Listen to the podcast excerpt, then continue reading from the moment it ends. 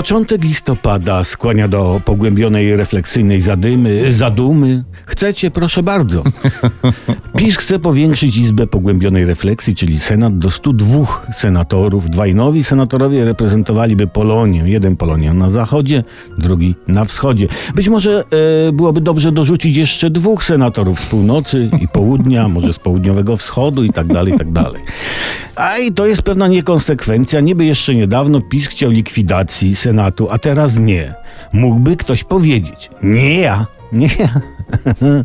Teraz jest inny etap, słuchajcie, stawiający nowe wyzwania, którym trzeba sprostać. Jakie to wyzwania? A co was to obchodzi? Są i to wam powinno wystarczyć. O.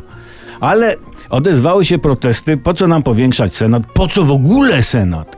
Za co oni biorą pieniądze? Pytają oponenci Senatu. No, senatorowie biorą pieniądze za ryczałt na benzynę, za biuro poselskie, za delegacje służbowe. Co wy się tak przypieprzacie do tego Senatu naszego? W Senacie jest spokój. Senat żyje swoim tempem i w zasadzie do polityki się nie miesza. Senat pełni ważną rolę, poprawia literówki w ustawach przysłanych przez Sejm. Co więcej, pełni jeszcze ważniejszą rolę w naszym systemie politycznym, jak taki, nie wiem, człowiek na budowie zatrudniony do uprawiania gimnastyki.